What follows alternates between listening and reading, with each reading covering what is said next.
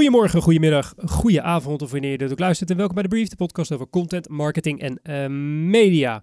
Het is de blessuretijd van 2020, een raar jaar, uh, to say the least. Um, en in 2020 is het, zoals u waarschijnlijk wel begrijpt, steeds moeilijker en moeilijker om gasten te vinden die samen met ons in deze bescheiden, edoch uh, gezellige studio willen kruipen.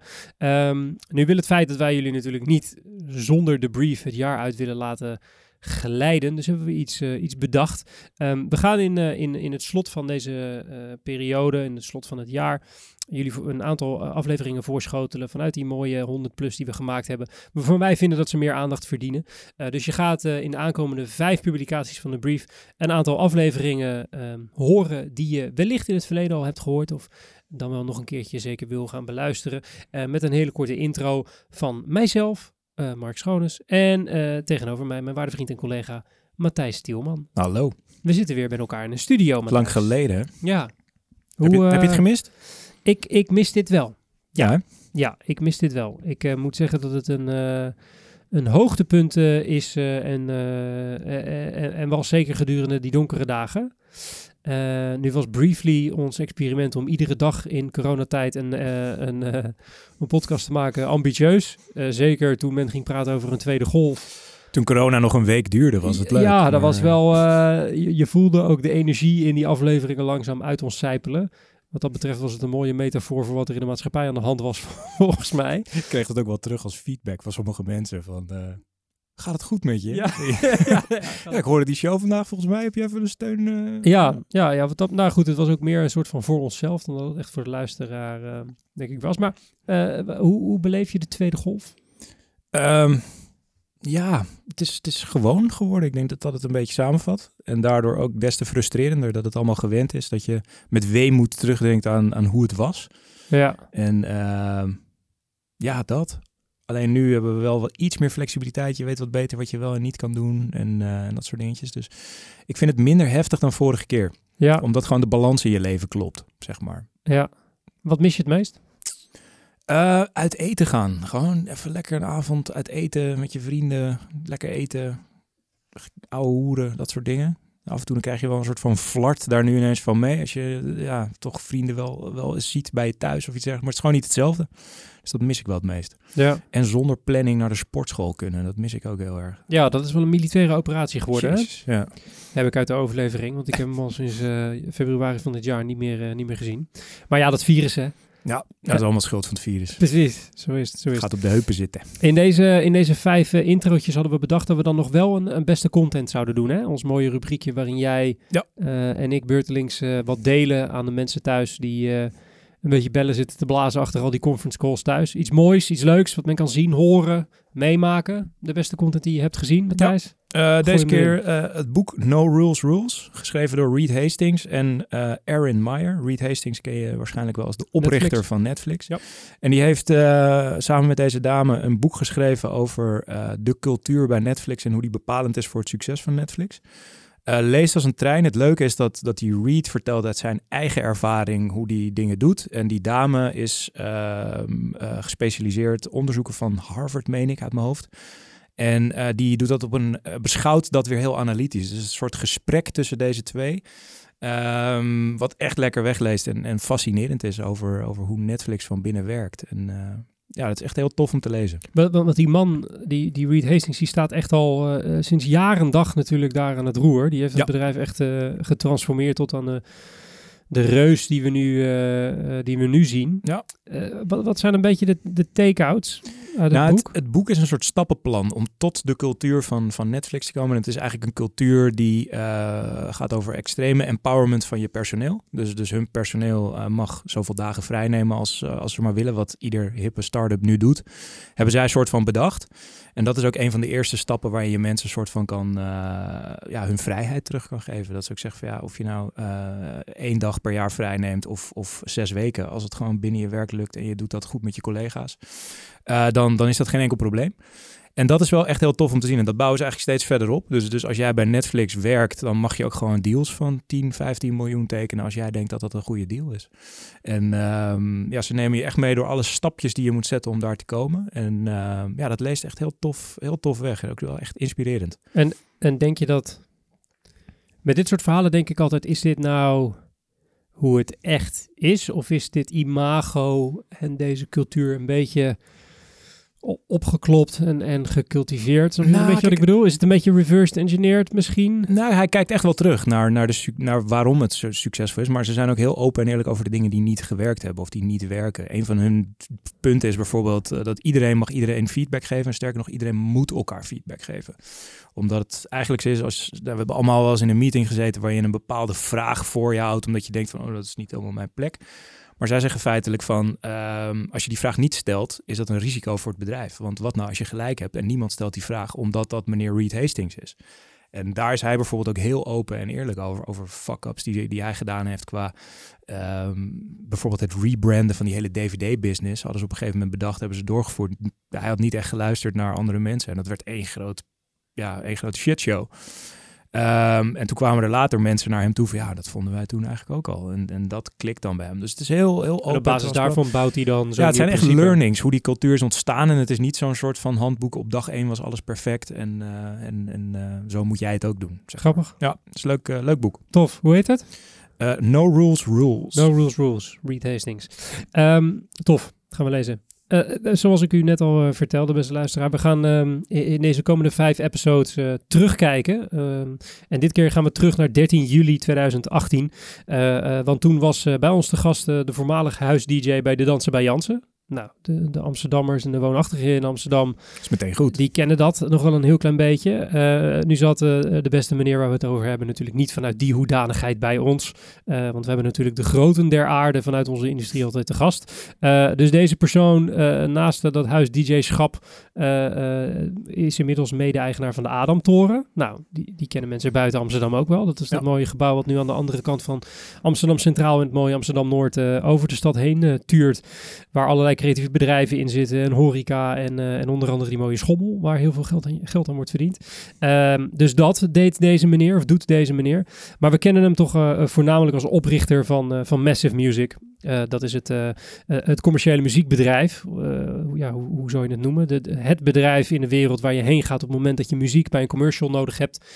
die maken het allemaal zelf. Deze meneer Oh, we hebben het natuurlijk over Hans Brouwer. Uh, was ook over een, een, een, een bezield uh, muzikant. Dat straalde hij ook uit.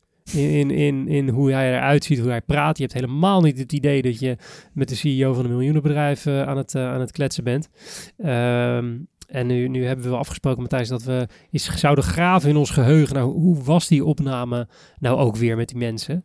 Uh, wat, wat, wat staat jou nog bij van deze aflevering? Nou, wat ik me kan herinneren is dat het gewoon een business is waar ik eigenlijk nooit over nagedacht had. Dat dat zo groot was. En, nee. en ook de impact daarvan. Dus er zit een, een, een deuntje in wat hij uh, neuriet van, van T-Mobile. Dat, uh, dat, dat, dat, ja shit, dat zit zo tussen je oren. Dat is ook zo extreem waardevol. Ja. En uh, ja, dat vond ik echt het tofste van, uh, van deze show. En Hans als, als uh, persoon gewoon ontzettend toegankelijk, relaxed. En uh, inderdaad niet de, de CEO die, ja, die je zou verwachten. Ja, ik weet nog, wij, wij, dit is natuurlijk 2018.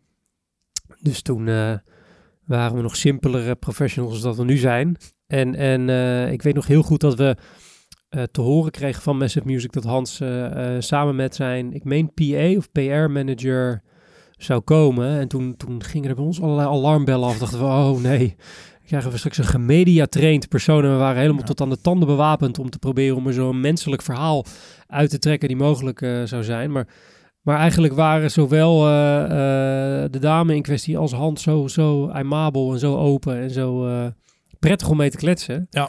Uh, dat uh, jij grapt wel eens, uh, Matt, dat na een gesprek dat als je voornamelijk hebt zitten luisteren in plaats van vragen stellen, dat het een goed gesprek was. En dat was in dit geval ook, ook zeker het geval. En dat betreft is het interessant om te zien hoe, hoe erg je je verwachting van tevoren kan verschillen van de daadwerkelijke ervaring. Zeg ja. maar in die zin.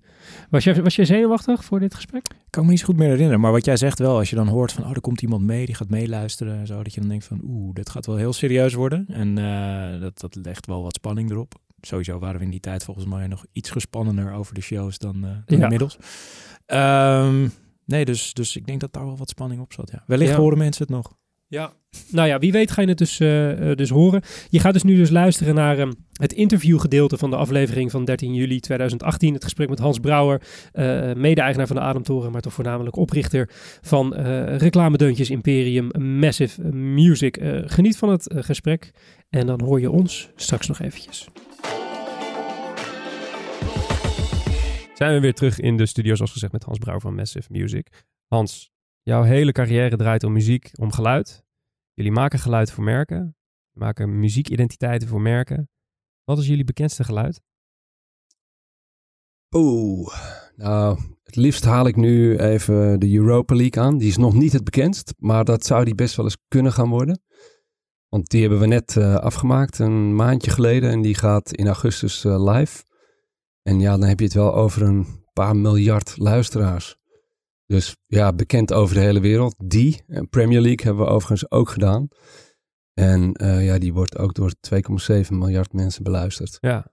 Dus dat zijn wel, ja, dat zijn wel heel wat oren. Is dat bij zulke instituten, om er meteen uh, in te duiken, het zijn natuurlijk allemaal best wel bekende tunes waar mensen een soort van uh, hechting mee hebben. Maakt dat het extra spannend voor jou? Dat je denkt, ik ga toch de Premier League is wel een, een gevoelig ding waar mensen heel veel herkenbaarheid bij hebben met, bij de oude tune bijvoorbeeld. Is dat iets waar je rekening mee houdt? Dat je, dat je elementen eruit haalt? Ja, uh, je komt altijd ergens vandaan bij tenminste zo'n zo'n uh, identiteit. Um, en dat, ja, daar moet je wel rekening mee houden. Maar ja, het gaat veel, veel verder en dieper dan dat. Het heeft uh, ook alles te maken met de Premier League wilde bijvoorbeeld heel erg moderniseren. Dus die wilde juist een modernere sound. Um, maar je duikt ook het merk in. En uh, alle ja, merkwaarden die ertoe doen, uh, die proberen wij op de juiste manier te vertalen naar muziek. Ja. En nu voor de mensen die luisteren, denk ik, jezus, we gaan gelijk uh, in de kleine, kleine details. Voor die enkele, enkele luisteraar die jullie niet kent, wat doen jullie voor merken? Ik kom als merk bij jullie binnen. Wat, wat, wat, is, wat staat er op de menukaart bij Massive? Um, je bedoelt uh, hoe wij zoiets aanpakken? Nou, hoe, wat kan ik bij jullie krijgen? Wat kan ik bij jullie kopen als merk? Nou ja, wij je moet je voorstellen, een merk uh, heeft natuurlijk een, uh, een corporate identity, een huisstijl. En daar wordt ongelooflijk over nagedacht, in geïnvesteerd. Zeer nauwkeurig bijgehouden enzovoort. Maar wat er vaak niet, waar vaak niet over na wordt gedacht, is de, is de muzikale identiteit. En voor een groot, voor een globaal merk, wij doen het bijvoorbeeld voor Philips en KLM, ehm, is, het, is het ontzettend nuttig, omdat natuurlijk het medialandschap zo versnipperd geworden is, om daar wel in te investeren. Want ten opzichte van uh, allerlei andere onderdelen van die huisstijl, is muziek eigenlijk helemaal niet zo'n grote investering, maar wel met een enorm bereik. En uh, ja, dat doen wij dus steeds meer, want steeds meer merken komen er ook achter dat dat uh, ja, een hele goede return on investment is. Is dat, is dat want je zegt zelf al veel merken komen erachter, is, uh, moet je jezelf nog verkopen uh, in die zin? Moet je nog het belang van die oude identiteit vaak uitleggen aan merken? Of is het ja, wel dat, iets... dat sowieso. Dus dan ga je helemaal terug naar de basis. Hoe klinkt je merk? Ja. En dat is, dat is, dat is heel grappig, maar dat is wel precies waar het over gaat het is heel, uh, muziek is natuurlijk heel subjectief. Iedereen uh, heeft een mening, iedereen heeft een uh, Spotify-account. En, en een, platenkast misschien nog vol staan, of een CD-kast of een iTunes. Um, maar ja, het, het, is dus, het is dus de kunst en, en onze, onze kunst om, om, om zeg maar die subjectiviteit eruit te halen. En um, ja, een, een, eh, een merk te vertalen naar muziek in de brede zin, maar ook weer niet te breed. In de brede zin, maar niet middle of the road. Hoe pak je dat dan aan? Want je zegt het is heel, heel subjectief. Um, hoe begint zo'n proces dan? Dat je... Um, nou ja, wij vragen in eerste instantie gewoon uh, heel veel informatie op bij de klant. Um, en gaan dan in ja, zo'n beetje drie, vier uh, stappen met de klant hand in hand um, ja, proberen uh, zeg maar het hele brede scala terug te brengen tot, tot één sound. En dan eindigen we vaak of met een, met een, uh, met een, met een compositie waaruit je van alles kan distilleren. Dus dat hangt een beetje af van het merk, als, hoe zij communiceren. Maar uh, het gaat in ieder geval om veel meer dan alleen een, een muzieklogo. Wat mensen vaak denken aan het eind van een commercial. Uh, of iets dergelijks. Moet ik nu ook de concurrent nazingen? Dat wordt lastig. maar we hebben hele goede microfoons. Ja, ik vind het wel leuk als de luisteraars insturen welke jingle dit was. Dan kun je wat winnen. Ja, ja precies. Maar uh, dus het gaat veel meer over meer dan dat. Dus je kan natuurlijk altijd een muzieklogo extraheren uit uit eh, de, de, de brandscore, zoals wij dat dan noemen. Maar je kan ook die brandscore, zeg maar, het, eh, het muzikale DNA, uh, zeg maar, zien als het muzikale DNA van een merk. Waarbij alle commercials, maar ook alle online content enzovoort, uh, familie is van die brandscore. Dus dan kan je zelden geluiden gebruiken of je kan zelden melodische thema's of harmonieën gebruiken. Uh, waardoor er altijd een herkenbaarheid is. En is zo'n brandscore dan een, een, een track van een minuut of twee, drie, vier, waar alles in voorkomt? Ja, ja. ja nogmaals, dat verschilt per klant. Iedereen, uh, elk merk wil weer iets anders en heeft andere doelgroepen, heeft andere platforms en touchpoints en noem al die mooie buzzwords. buzzwords maar op die jullie heel goed kennen. Um, ja, dus dat, dat verschilt. Maar ja, we, we hadden het net even over, toevallig over twee voetbalpakketten. En dat is ook uh, weer heel anders, omdat het natuurlijk, het is uh, zeg maar de walk-on pitch, zoals dat dan heet. Het is de muziek net als bij die van de Champions League kent, als de spelers het veld oplopen. Maar het is ook het hele televisiepakket over de hele wereld. Met alle bumpers en, en uh, beginleaders, eindleaders. Dat is een gigantisch pakket. Zitten er dan in zo'n, in zo'n, want het is over heel de wereld en weliswaar voor één entiteit, één merk. Maar zitten er nuances per markt dan? Dat nee. er werkt of het niet? Nee. Je maakt gewoon één ding wat werkt voor heel de wereld. Ja, is in, de, in dit geval wel, ja. ja. Uh, oh, in dit geval wel. Dus het is niet altijd, het is niet altijd één universeel ding. Um, ik ben even snel aan het nadenken. Nee, het, het, is bij, het is wel, voor zover ik het nu in mijn hoofd heb, wel altijd één universeel ding. We hebben ook voor de Olympische Spelen, voor um, ja, allerlei grote toernooien uh, muziek gemaakt. En ja, dat, dat wordt veel te complex op het moment dat dat uh, gaat veranderen. En, en, als je kijkt naar, uh, want ik, we noemden net al de kantoren op waar jullie allemaal zitten. Dat zit over heel de wereld heen. Zijn er, als je voor één specifieke markt iets maakt, zitten er bepaalde nuances per markt wat er werkt? ja, sowieso. We zitten eigenlijk ook een beetje in de verschillende markten, omdat dat zulke specifieke markten zijn dat wij daar als Amsterdamse bureau um, ja, nooit het verschil zouden kunnen maken. Wel op het moment dat je daar zit, met mensen, met ook locals uh, binnen het bedrijf. Dus er zijn geen Nederlanders die in buitenlandse vestigingen van Massive zitten, nergens. Um, en ja, zij weten zelf, zij kennen zelf de heritage van uh, en de cultuur van het volk en de doelgroep die je aan moet spreken. Maar ook zij kunnen die, de, de briefings op de juiste manier interpreteren. En zijn, er, zijn er dan dingen die, uh, een voorbeeldje van een van de dingen die dan specifiek in een markt wel werkt, op, muziek, op muzikaal gebied dan? Een bepaalde stijl of een bepaald tempo of lengte of, of iets wat in bijvoorbeeld nou, in Nederland niet zou werken? Nou ja, ik haal altijd aan uh, als een klant je brieft en die wil een techno-track, wat overigens gelukkig zelden voorkomt in een commercial. Maar uh, dan is een techno-track in Berlijn een hele andere techno-track dan in L.A., kan ik je vertellen. Dus dat, dat, ja, dat moet je ook weten. En daar moet je ook van stand van hebben.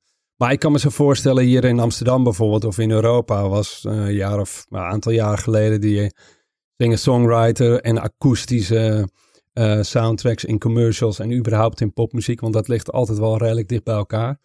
Uh, was heel populair, maar ik kan me ook zo voorstellen dat dat in Japan weer uh, toch ietsjes dat, anders Dat beweegt dan ook een beetje met de, de, de, populaire smaak van de niet-commerciële muziek. Als je snapt wat ik wil, dus niet reclame muziek. Vloot dat dan een beetje met die trends mee? Ja, absoluut. Ja. En de reclame pikt altijd heel uh, snel trends op. Ja. Want ja, reclamecreatieven die tenslotte toch samen met ons een beetje en de regisseurs misschien bepalen wat er onder een campagne ligt.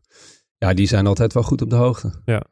Dus dat is ook wel heel leuk, omdat je dan vervolgens in, met dat soort briefs aan de gang gaat en ook gaat componeren um, ja, in die stijl. En dat is altijd wel, uh, dat is altijd wel modern. Ja. Tenminste, niet per se altijd modern, maar het volgt uh, die trends wel goed. Het kan natuurlijk ook een hele andere reden zijn waarom je soundtrack maakt. Het kan ook heel filmisch en cinematografisch zijn. Dan kom je natuurlijk op een hele andere soundtrack ja, precies. uit. Dan als, ga je niet eh, met de techno, eh, met de technobrigade aan de slag. Precies. Ja. Hey, en, en je zei het al, je hebt alleen maar locals werken. Maar wat is nou het, het DNA van mensen die bij Massive werken? Waar ben je naar op zoek? Als jij een kantoor opent in een nieuw land, wat is dan... Ja, dat zijn toch gewoon eh, die muziekfreaks die, eh, die, die een beetje rondcirkelen rond ons ook. En die mij ook aanschrijven. Ik krijg echt ongelooflijk veel eh, mail van mensen die, die bijvoorbeeld, eh, weet je wel, die zijn al een hele leven muzikant. eh, zijn toch maar economie gaan studeren, omdat hun ouders zeggen dat je daar een goede baan mee krijgt. En na een paar jaar hebben ze zoiets van, ja, maar eigenlijk wil ik in de muziek werken. Gewoon echt uh, diehards die gewoon niets anders het liefst zouden willen doen. En ja, dan heb ik een beetje een mazzel dat er, dat er, ja, dat wij natuurlijk goed in de picture staan nu eh, als bedrijf, maar ook eh, ja, gewoon een prachtig mooi product hebben. En ehm, ja, en dus daarom is het, al, is, is het personeel doorgaans niet heel moeilijk te vinden. En mag ik de pareltjes eruit eh, vissen. Dat is En mooi. dat, dat Mooie luxe. lukt, lukt Ja. aardig. Ja. Mijn personeel luistert ook mee naar. Stukje HR naar de mensen toe. Ja, ja, ja, ja.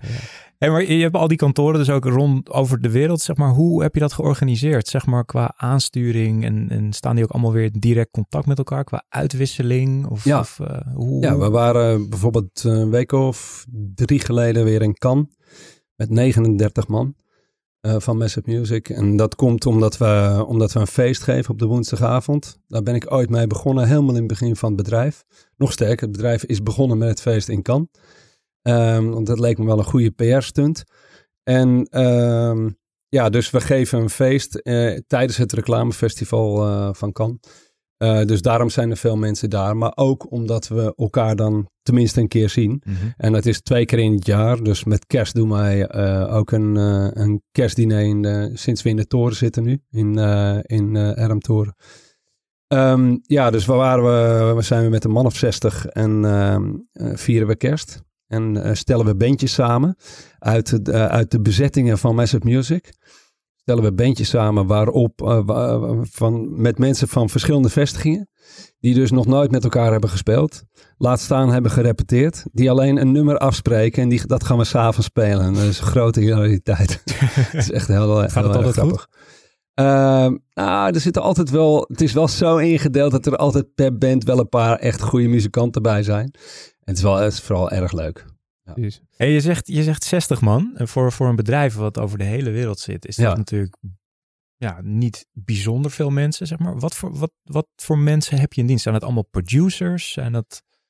De meeste, meeste producers inderdaad, heel goed. Dus die zitten tussen de klant en onze componistenpool in. En waarom wij zo eigenlijk klein zijn, wel eh, groot voor een muziekbedrijf. ik, denk wel de grootste, de meeste FTA's.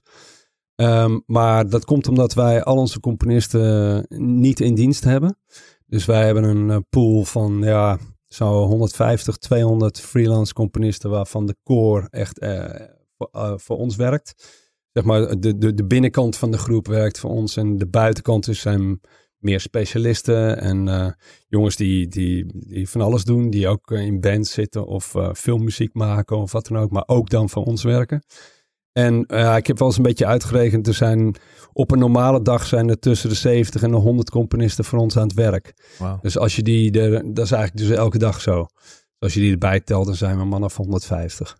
Zit er, ik heb wel eens een, in een wat ouder interview met je gelezen.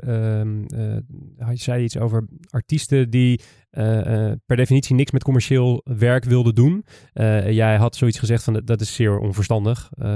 Want waarom, waarom? Weet je, zo'n houding kom je niet ver mee. Iets in die geest had je gezegd. Dat was een wat ouder interview. Ik ben benieuwd met die influx van hoeveelheid muziek die er nu is. En, en misschien ook de, de, dat dat de positie van de artiest nog wat onzekerder maakt. Of, jou, of, of er nog steeds zo naar ehm, eh, commercieel muziek maken gekeken wordt door sommige van die artiesten. Of is dat, zie je daar een, een veranderende houding in? Snap, snap je een beetje wat ik bedoel? Ja, nee, daar is absoluut een veranderende houding in. Ik doe dit eh, nu een jaar of twintig. En iets meer zelfs. Heel goed nadenk. Maar toen, was het nog, toen waren er nog een hele lijst artiesten. die helemaal niets met reclame te maken wilden hebben. En dan heb ik het over de grote artiesten, zeg Ja. maar. Die, die dus niet gezinkt wilden worden. Waarvan je geen nummers in kon kopen om hem onder je spot te zetten. De Beatles, toch? Waren voorbeeld. ja, de Beatles, maar dat had weer eh, ook een andere reden. Want die rechten zijn eh, al een heel vroeg stadium verkocht en allemaal ingewikkeld. Maar bijvoorbeeld U2 is altijd een goed voorbeeld. Die waren echt... eh Bono stond natuurlijk meteen op de barricade als de commercie om de hoek kwam kijken. Totdat Apple, Apple, gewoon ja. genoeg bood. en zo gingen ze allemaal één voor één om. Dus het is echt nog op de vingers van één hand te tellen wie er nog, wie er nog anti zijn. Maar eh, nee, dat, is helemaal totaal veranderd. En dat is ook eh, ja, door alle technologische ontwikkelingen. Als je nu jonge artiesten ziet, die zijn er helemaal niet vies van. Tenminste, ja, eh, als er, als er, als er merken om de bocht komen die, waar ze geen associatie mee hebben of niet mee geassocieerd, mee geassocieerd willen worden natuurlijk, dan wordt het al snel een ander verhaal. Maar in principe nee, zijn ze niet meer zo eh, wars van de commercie. Die waren natuurlijk gewoon veel te verwend, die oude generatie. Dat, eh, Ook dat. Ja, Ja, die verdienen ja. zoveel met plaatinkomsten. Ja. Eh, als je kijkt ehm, naar de, de hoeveelheid kanalen en de hoeveelheid informatie en de hoeveelheid media die we nu op ons afkrijgen, heeft dat het manier van reclame muziek maken ook beïnvloed? Want ik kan me voorstellen dat je voorheen eh, een rondje televisie deed met dezelfde jingle om herkenbaarheid op te wekken. En dan was je er misschien wel een heel klein beetje. Is, he- is dat nu anders? Moet je nu op een andere manier die herkenbaarheid en die...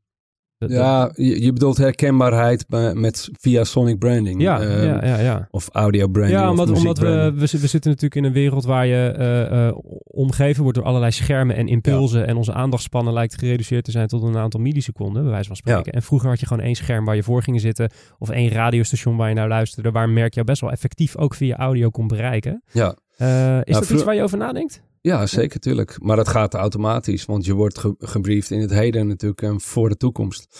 Maar ja, het is zeker zo dat het in het verleden eh, gewoon een- vaak televisiecampagnes en eh, misschien radio en eh, billboards natuurlijk, al dat soort dingen. En misschien nog een beetje bioscoop, maar had je het gehad. Dus dan was de herkenbaarheid van een merk was hooguit een audiologo, een muzieklogo. Ja. Randstad uitzendbureau of zo, weet je wel. of Intel. Dat zo, soort, ja. ja. ja, of Intel. Maar dan had je het wel gehad. Maar tegenwoordig is dat, eh, nee, is dat natuurlijk anders. En alle verschillende lengtes ook van content die digitaal gaat. En die maakt ook dat je niet echt meer met een muzieklogo van vijf seconden uitkomt. Want dat is soms de hele content. ja, ja, precies. dus ja. dus eh, nee, dat verandert, dat verandert wel constant, ja. Maar, maar je hebt als verschil, dus je hebt aan de ene kant sonic branding en je hebt aan de andere kant natuurlijk gewoon muziek die wij maken. Dat is ook voor een groot deel wat wij doen, is gewoon ehm, de, de compositie, eh, de, score, dus de compositie maken voor een campagne. En die campagne die kan in allerlei lengte, variaties enzovoorts eh, de wereld ingaan. Maar ehm, de muziek die wij dan componeren moet gewoon de boodschap van de spot versterken. Punt. Ja. En dat is wat anders dan, hè, dus dat kan iedere campagne van eh, merk eh, X, kan natuurlijk weer andere muziek hebben, omdat die muziek weer het beste bij de campagne past. Maar dat wil niet zeggen dat het per se ook perfect bij het merk past. Nee, snap En twee verschillende dingen toch? En je noemt, noemt zo'n campagnebriefing, die komt binnen. Ehm, op welk punt in de campagne worden jullie meestal aangehaakt? Is dat heel vroeg eh, in de conceptfase? Of is dat, oh, we hebben een prachtige video met, met de voetballers die prachtige doelpunten maken. Kan jij daar even muziekje onder zetten?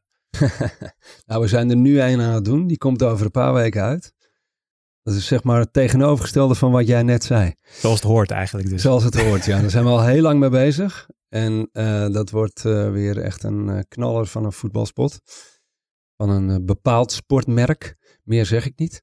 Nee, dat verschilt. Dus de ene keer kom je er heel vroeg bij. Echt heel vroeg. En soms moeten wij de rotzooi van een ander opruimen, zeg ik wel eens. Dus dan is iemand anders er niet in geslaagd om het voor elkaar te krijgen. En de uitzenddata komt dichterbij en dichterbij. En dan een paar dagen van tevoren worden ze echt zenuwachtig. En dan eh, laten we Massive bellen. Want dan komt het wel goed. En dan, ja, dus dan heb je gewoon eh, soms 24 uur. En dan, eh, ja, allebei zijn superleuke eh, uitdagingen. Het grappige is dat, dat die korte sprintjes, die zijn vaak leuker omdat, of leuker, die zijn ook leuk. Omdat, eh, omdat je gewoon heel snel moet beslissen. Iedereen moet heel snel beslissen. En, en je gaat er gewoon vol in. En dat is eigenlijk ja, soms net zo leuk als dat je een hele lange periode hebt. Want dan is er ook een hele lange periode om dingen af te keuren. Iedereen Want je mag gaat toch- zeggen, ja. Altijd aan het eind pas beslissen. Ja. ja, creatieven kunnen heel slecht tegen hele lange voorbereidings periodes, kan ik uit eigen ervaring zeggen. In, in welke mate ben je zelf nog betrokken bij het maakproces? Ehm, niet heel veel. Ja, uh, terugluisteren. Dus terugkoppeling. dus er komt iets binnen. Dus wij, dus wij hebben een brief. En we vertalen die brief naar, naar de componisten in onze pool die wij daarvoor selecteren. Die gaan vervolgens, ik zeg nu even de korte samenvatting, die gaan vervolgens dingen maken. Dus dan maken we drie, vier, vijf demo's bijvoorbeeld. Verschillende, van, bij verschillende componisten. Die, komen, die brengen dat terug en dan gaan we luisteren. Uh, wat, wat is goed, wat kan beter enzovoort. En zeg maar, bij dat, op dat soort momenten ben ik nog wel betrokken. Maar um, ja, veel minder dan aan het begin natuurlijk. Uh, hoe, hoe luister je? In de zin van in, in wat voor soort situatie uh, je moet sowieso altijd, uh, dan kom ik weer bij het subjectieve, je moet natuurlijk wel altijd eerst uh, de brief weten. Want wat is de gedachte achter de spot? Wat is de gedachte achter de ja. soundtrack achter de spot? Je, kan, je gaat hem natuurlijk niet beoordelen op basis van je eigen smaak voor muziek. Want dat heeft geen zin. Maar je merkt wel, je kan natuurlijk, ik heb zoveel ervaring en zoveel dingen, de, de combinatie tussen muziek en beeld. Ja, dat wordt op een gegeven moment wel een specialisme waar je heel goed in wordt. En ja, je, je merkt wel meteen als je iets onder beeld ziet of het werkt of niet. Maar dat is ook een beetje de ervaring van het observeren van edit-sessies. Dat je bijna de editor en de componist bij elkaar in één kamer moet hebben. Dat dat een soort ja, bijna huwelijksrelatie wordt. Want het geluid bepaalt de edit en de edit bepaalt het geluid, zeg maar. Is, is dat... Ja, maar dat hoeft, die hoeven niet per se naast elkaar te zitten hoor. Want zelfs als ze naast elkaar zitten, dan moet, je, dan moet nog steeds de een op een gegeven moment die edit maken en op het andere de ander. Dus dat kan je ook op afstand doen tegenwoordig, want je kopt het uh, in, in real time over en weer. Dus uh, wij, hebben, ja, wij doen dat soort sessies gewoon uh, tussen Tokio en LA, zeg maar. Dat maakt allemaal niks uit. Zijn er, zijn er naast dat te laat aanhaken andere soort van typische fouten die merken nog steeds maken op het gebied van audio? Nou ja, een bekend fenomeen is, de Amerikanen hebben er een mooie uitdrukking voor, temp love. Dus de, diezelfde editor, die, ga, die krijgt zijn eerste ruwe beeldmateriaal binnen, maakt een eerste ruwe edit. En om iets te hebben om op te editen, gooit hij er een muziekje onder. Ondertussen komen natuurlijk de bureaucreatieven en iedereen komt even kijken, want iedereen is razend benieuwd naar het beeld.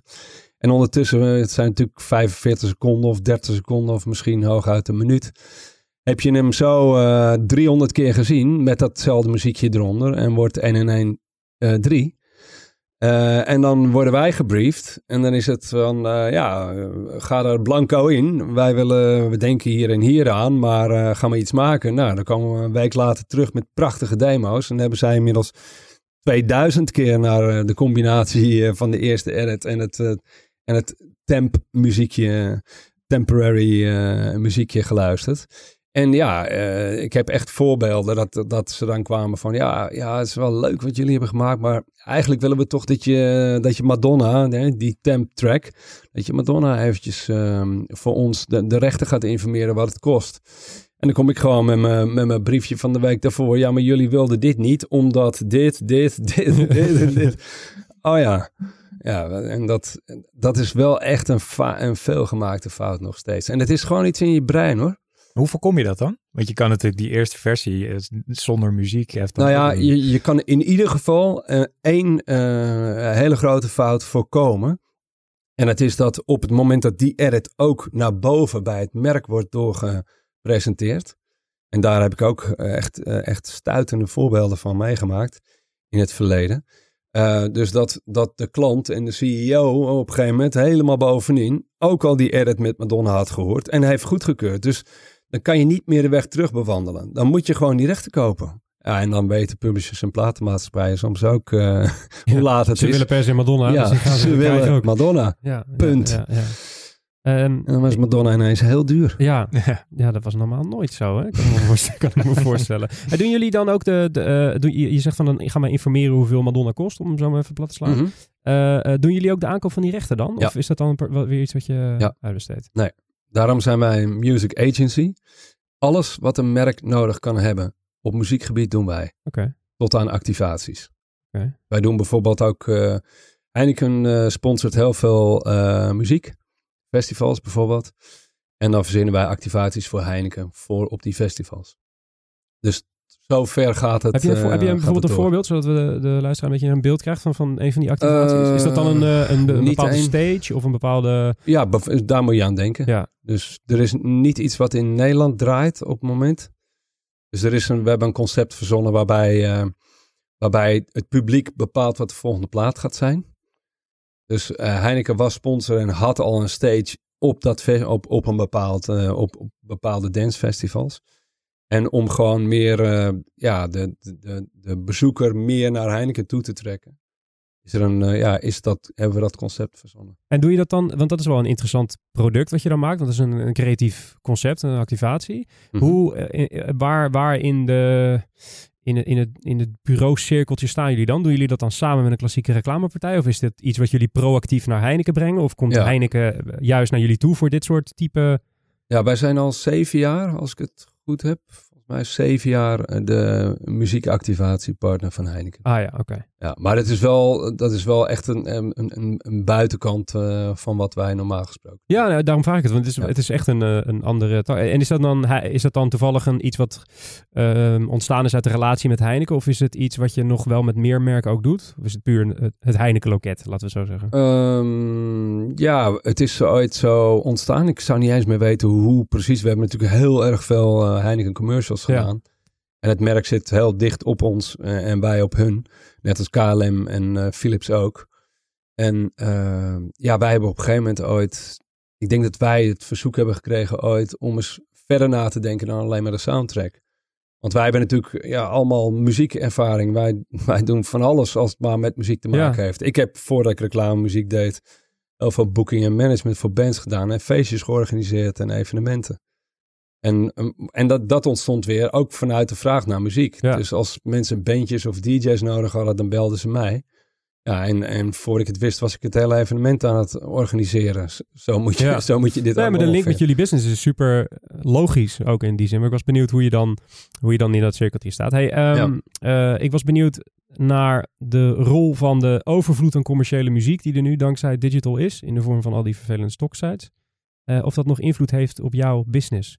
Of je wel eens een gesprek aan moet gaan met klanten die zeggen, ja, maar ik heb bij eh, Epidemic Sounds kan ik dit eh, kopen voor uh, Roggel en drie knikkers. En is dat, is dat een, een categorie waar jij soms in wordt gegooid met massive music waar je uit moet vechten? Of zien mensen toch wel jullie echt als eh, eh, de makers en, en, Ja. eh, en, en de, de stok? Nou, als, als, als bedrijven, bureaus of merken gewoon tailor-made muziek willen, dan komen ze bij ons terecht. Als ze dat eh, niet willen of als ze dat er niet voor over hebben, het geld er niet voor over hebben of gewoon de budgetten, omdat het eh, campagnes zijn die alleen online en die maar een weekje draaien of wat, dan komen ze bij de, bij de epidemics eh, van deze wereld terecht. En dat is verder helemaal eh, prima. Fijn, ja. En over die vergankelijkheid. Hoewel Epidemic is dan weer een voorbeeld waarbij componisten, nou, Ja, maar je snapt, je snapt wat ik bedoel. Ja. Eh, gewoon een site waarin Ja. in bulk gewoon redelijk makkelijk Ja. tailor, nou niet Stokmuziek. tailor-made, maar stokmuziek te halen valt. Ehm, eh, jij zei, je had het net over de, de eh, als het op een, op een campagnebasis is.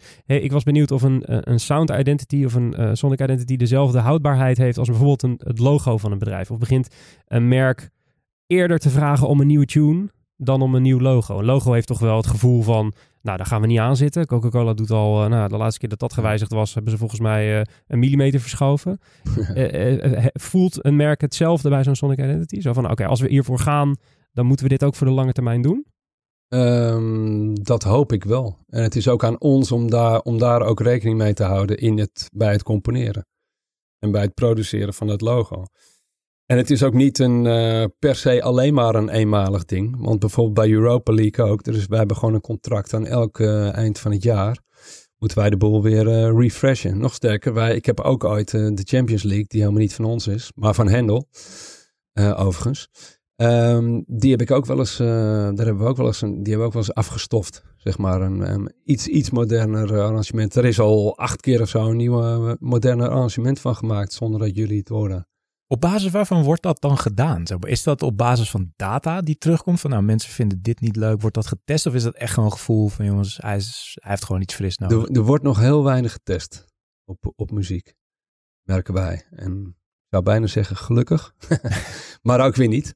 natuurlijk. Waarom gelukkig? Omdat het, maar, dat, zo, maar dat, komt, dat, dat komt wel. omdat het zo van smaak onderhevig is. Ja, dan, ik, ik heb, ik, het is natuurlijk, zit, zit ook, muziek zit altijd emotie in. En ehm, ja, als het echt, het is soms wel eens lastig dat het zoveel over cijfers gaat. En ehm, ja, dan, dan komen er alleen nog maar meer cijfers eh, bij. Je doet, je doet ook niet... Dus ik eh, zeg dat de antwoord alleen maar eigenlijk vanuit de onderbuik. Nee, maar, nee, maar ik snap wel waar het vandaan komt. Want er weinig, er zijn weinig dingen zo slecht te vatten als muziek en de indruk die je daarvan krijgt. Het is Ja. super subjectief wat je zelf al zei. En be- betekent dat ook dat je eh, intern, als je scores ontwikkelt voor merken, die niet doortest op een deel van de doelgroep bijvoorbeeld of zo? Zit dat nog niet echt in de Nou, eh, industrie? Sonic, eh, Sonic of uh, muziekidentiteiten van merken, die wordt wel getest. Ja, precies. Ja. Dat zijn wel echt hele belangrijke dingen. En dat, ja, dat is ook niet meer dan logisch. Nee, dat, is, dat gebeurt met een logo Ja. natuurlijk ook uitvoeren. En dat logo moet natuurlijk ook inderdaad aan te passen zijn. Ja, ja, ja. Vrees je dat het in de toekomst wel anders gaat worden qua, qua data? Dat het allemaal getest moet gaan Ja, worden? dat, en, dat denk ik wel. Het wordt ook steeds makkelijker om, eh, om, om het te testen. ja. En het is natuurlijk ook goed. ja. Uiteindelijk is dat natuurlijk wel eh, nuttig. Ja, In die end maakt het je verkoop alleen maar beter. Omdat je vaak diep van binnen wel weet dat het goed zit. Alleen krijg je door dat testen het bewijs waarom het echt Ja. goed is. Ja, maar, wa- Maar, ja, ik, maar, maar wacht even, eh, ik, ik zong net één logo, hè? Of Ja? zong. Die irritante piano van T-Mobile. Ja. Maar, oh, nou heb ik een verhaal hier. Ja, zouden- we shit. zouden- ja, maar dat is voor de trouwe luisteraars. knip die, even, eh, knip even de waard. Nee, maar dat, dat logo is, is eigenlijk heel irritant. is heel penetrant. ja. Is helemaal niet bedoeld als prachtig mooi muzikaal logo. Maar daardoor natuurlijk heel opvallend. Dus hoe ga je dat testen? Dat, dat zijn echt wel weer interessante vragen. Want wat wil je bereiken met je logo? Herkenbaarheid. Herkenbaarheid door irritantheid, door een irritant geluid of door een irritante melodie in dit geval, of percussieve melodie. Eh, ja, dat, wordt wel een paar middagjes eh, afstuderen voordat je die eh, parameters neer hebt gezet. Ja, en ik denk ook wel, als je, ja, jij bent de stratege Matthijs, ik ben een creatief, dus ik vind dat creativiteit ook wel ergens uit een niet-data gebaseerde omgeving moet, ja, ergens vandaan moet komen. Dat het pure creativiteit moet, komt altijd uit een plek die je, als het goed is, nooit eerder hebt gezien en dus niet met data kan verifiëren in die zin. De effectiviteit zou je natuurlijk wel kunnen testen.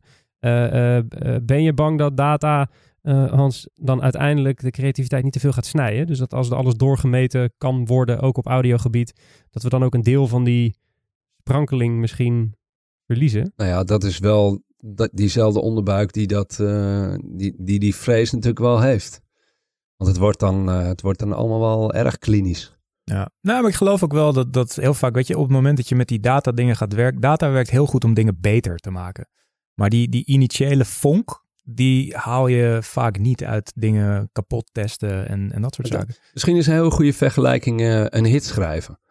Die brief hebben wij ook meermaals gehad. Het is heel grappig. Wij willen een hit. Wij willen op één in de hitparade komen via deze commercial soundtrack. Dat is hartstikke, hartstikke mooie, mooie brief is dat. Maar best lastig, kan ik je vertellen. nee, maar als, als je een hit zou kunnen schrijven, dan eh doet Je hebt niet een of het, andere toch? streaming farm ergens, dat je hem gewoon... eh, Nee, maar dat is een beetje hetzelfde. En waarom wordt iets een hit?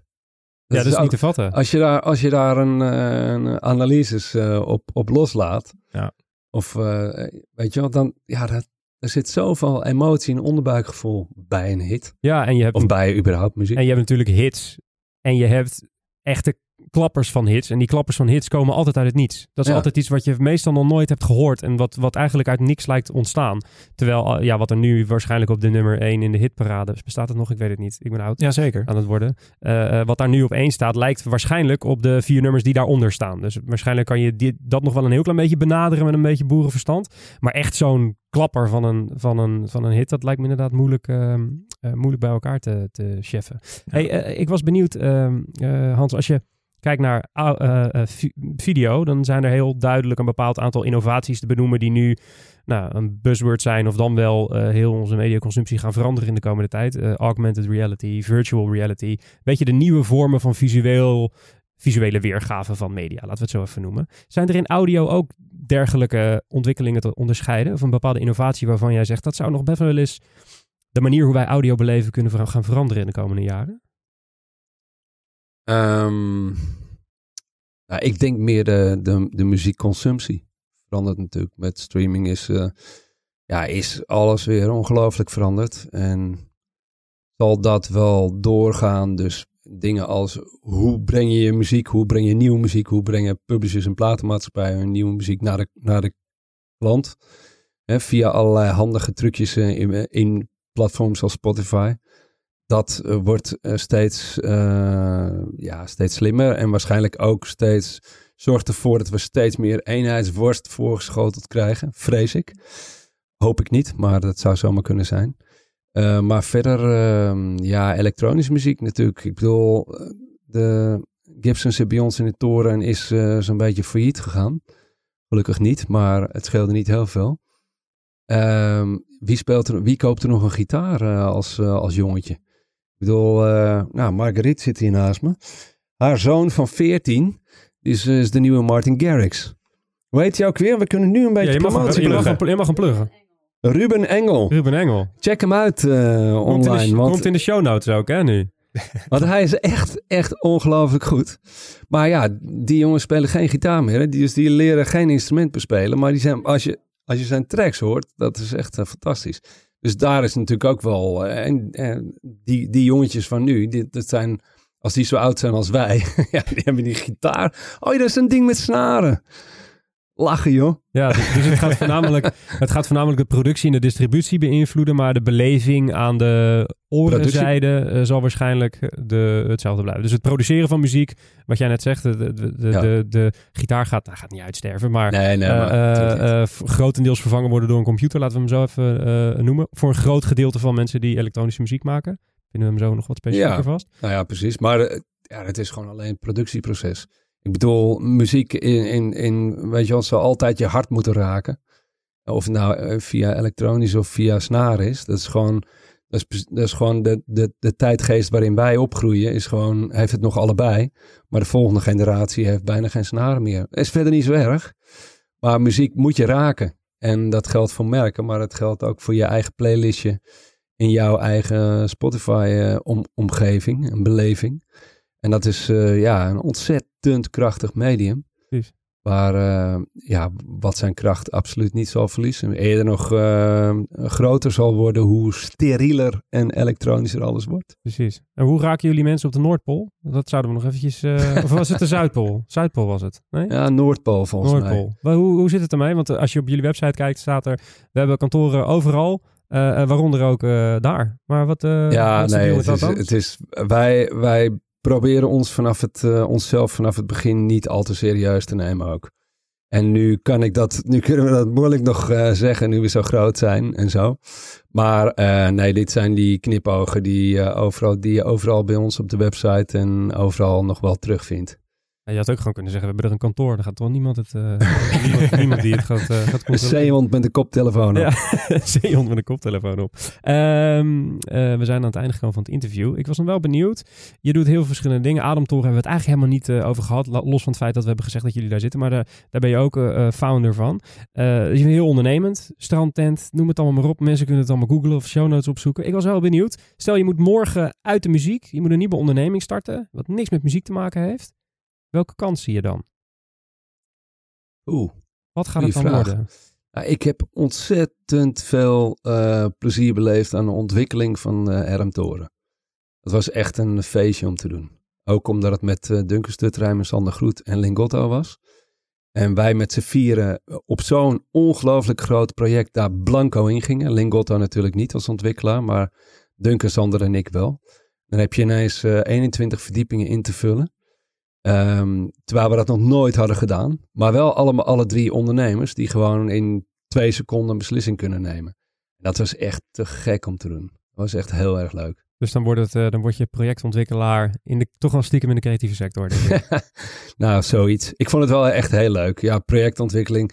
Ik, ik zal nooit vergeten dat uh, Lingotte bij mij uh, naar binnen kwam lopen met, met dit plan. Dat ik echt zoiets had. Voordat ik ontdooid was uh, op het feit dat er een projectontwikkelaar bij mij aan tafel zat. dat was echt, ik, nee, ik, uh, ik, had dat, ik had daar heel iets anders bij voorgesteld. Dus om mezelf nou in de toekomst projectontwikkelaar te gaan maken, weet ik niet. Okay. Maar ik vond het wel heel leuk. Tof. Hey, um, we hebben altijd een vaste slotvraag van ons interview. Dat is, wat is de beste content die je de afgelopen twee, drie, vier weken hebt gezien? Mag jij me ook vastpinnen op muziek? Wat is het beste wat je hebt gehoord in de afgelopen tijd? Oeh. ehm, ja, This is America heet het geloof ik, hè? Van Charles ja, ik Gambino. vergeet altijd. Ja, precies. Ja. ja, dus ook nog gemaakt door een componist die ook wel voor ons werkt. Voor onze New York office, grappig genoeg. Ehm, ja, fantastisch. Maar dan heb ik het niet per se alleen over de soundtrack, maar natuurlijk over het hele concept. Dat was echt, eh, um, echt een klap in je gezicht. Is dat wat het ook goed maakt? Dat holistische, die, clip erbij en de lyrics in combinatie met de muziek, in combinatie Ja, met de tijdsgeest ook? Ja, Ja, dat, dat, dat vond ik spectaculair natuurlijk. Het was eh, en, en een boodschap en de, ja, precies de tijdgeest. En ja, er is niet zo relevant als het onderwerp wat, eh, wat dat stukje content aansnijdt. Op dit moment, in mijn beleving tenminste. Ehm, ja, dat, dat, was, eh, dat vond ik echt mind-blowing. En eh er was een tijdje terug dat ik zoiets spectaculairs voorbij zag komen. ja een ouderwets protestlied weer. Het is echt eh, Ja, ja, heel, eh, heel heftig. Zeker in combinatie met die clip. Ehm, dank Hans voor je komst naar de studio op deze mooie, welke dag is het vandaag? Maandag hè? Maandag. Maandag. Ja. Hans Brouwer, CEO, founder van Massive Music. Dankjewel. graag gedaan. En zo zijn we weer terug in 2020. Je hebt geluisterd naar ons gesprek met Hans Brouwer, CEO van Massive Music, opgenomen op 13 juli 2018. Vond je dit gesprek nou tof? Eh, nou, dan hebben we nog een afleveringje waar we je heel eventjes naar willen verwijzen. Die kunnen we helaas niet nog een keertje publiceren, maar lijkt een beetje op, eh, op de aflevering waar je net naar hebt zitten luisteren. Dat is de aflevering met Jacco Bouw, eh, oprichter van Webpower China. En waarom lijken die twee afleveringen nou zo op elkaar? Nou ook, Jacco geeft eigenlijk een, een heel inzichtelijk, mooi inkijkje in een wereld waarvan nou, in ieder geval Matt en ik niet het idee hadden dat die bestond. Dat is namelijk de, de, de werking van de marketingwereld in China. En, en daarbij ga ik eh, de omschrijving laten. Ik weet dat Matt en ik eh, nog heel lang van die eh, aflevering hebben nagepraat. En dat zegt vaak, vaak genoeg. Dat is dus de aflevering van Jacco Bouw. Als je deze interessant vond met Hans Brouwer, check die ook nog eens eventjes. In de volgende aflevering gaan we weer terugkijken op, op die mooie afleveringen die we hebben gemaakt. De brief wordt zoals iedere aflevering gemaakt door Wayne Parker Kent. Productie is in de handen van de onvolprezen Björn Zwageman. Die heeft geen microfoon, maar gaat wel wat zeggen. De redactie wordt gedaan door Famke Algerijn, Max Leerver van zit er één in de studio. Wie dat is mag u raden. Ze gaat nu wat zeggen. Mijn naam is Mark Schoones. Hartelijk dank voor het luisteren en tot de volgende keer.